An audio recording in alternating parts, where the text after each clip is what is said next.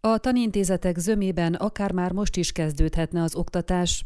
A tanulók 80%-a február 8-án visszatér az iskolapadba, ez körülbelül 2,5 millió gyereket érint országszerte, derül ki az oktatási miniszter első becsléséből a keddi járványügyi értékelések alapján. A tanintézetek zömében akár a napokban el is kezdődhetne az oktatás infrastruktúra szempontjából. A pedagógusok beoltottságával azonban már nem áll ilyen jól az iskolák egy része, hiszen sokuknak elhalasztották az oltási időpontot 10 nappal. Az iskolák kinyitását befolyásoló járványügyi helyzet végső értékelését pénteken jelentik be, és a fertőzési arányt hetente frissítik, ezzel egy időben az iskolák forgatókönyv szerinti besorolását is.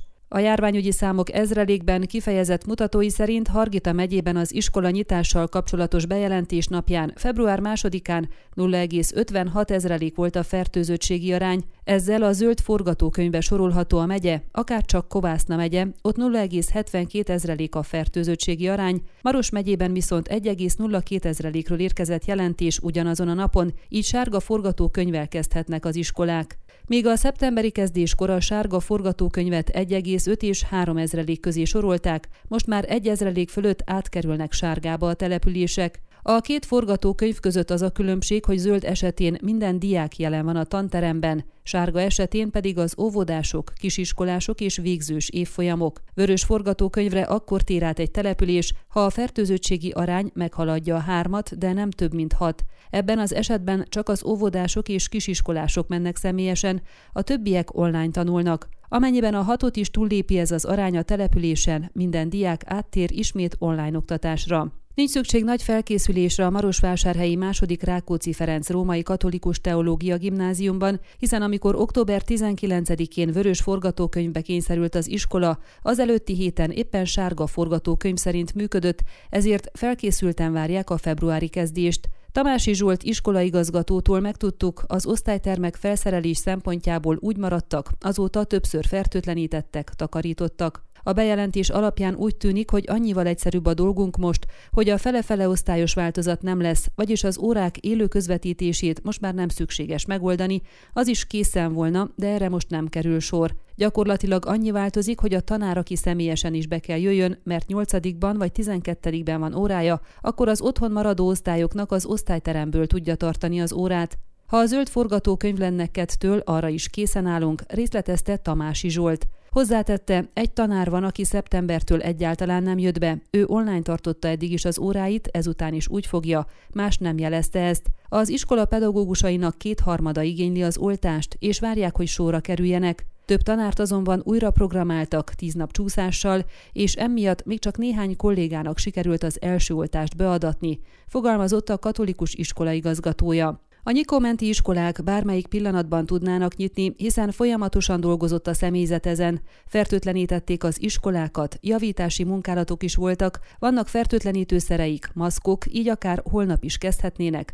Tájékoztatott Csáki Péter, a Siménfalvi Marosi Gergely általános iskola igazgatója. A 14 település gyerekeit befogadó tanintézet 7 tanítási egységébe jelenleg közel 400 gyerek jár, és csupán egy-két osztály van, ahol 20 fölött van az osztálylétszám, de általában 15 körüli osztálylétszámok vannak, tudtuk meg. Szerencsés helyzetben vannak, hiszen nem kell külső vállalkozást fogadniuk a takarításhoz, van elég személyzet, mert a gyerekek egyváltásban járnak iskolába, így könnyebb a takarítás is, hiszen órák előtt és után is kell fertőtleníteni. Több pedagógus foglalt időpontot oltásra, de most az időpontok újraosztása zajlik. A felméréskor egyértelmű ellenállást láttam az oltással kapcsolatban, kevesen voltak, akik be akarták oltatni magukat, de azóta változott a hozzáállás, sokkal többen akarják az oltást, fejtette ki lapunknak Csáki Péter. A Székelyudvarhelyi Tamási Áron gimnáziumban is volt bőven idő kifertőtleníteni az iskolát, most azt várja a vezetőség ott is, hogy küldjék le a minisztériumi előírásokat. Azt ígérték szerdára kidolgozzák, csütörtökön pedig lesz egy online videokonferenciánk, amin elmondják, hogy minek kell megfelelni, részletezte a Székelyhonnak Lackó György, a Székelyudvarhelyi Tanintézet iskolaigazgatója. Van ugyan takarító személyzet, de ilyen körülmények között sokkal többre lenne szükség egy ekkora intézményben. Ahhoz kevés a takarító személyzet, hogy minden nap mindent végigfertőtleníthessenek, tette hozzá az iskola vezető. Az oltás terén azonban nagyon jól áll az iskola, hiszen az 55 tanárból már 39-en be is oltatták magukat.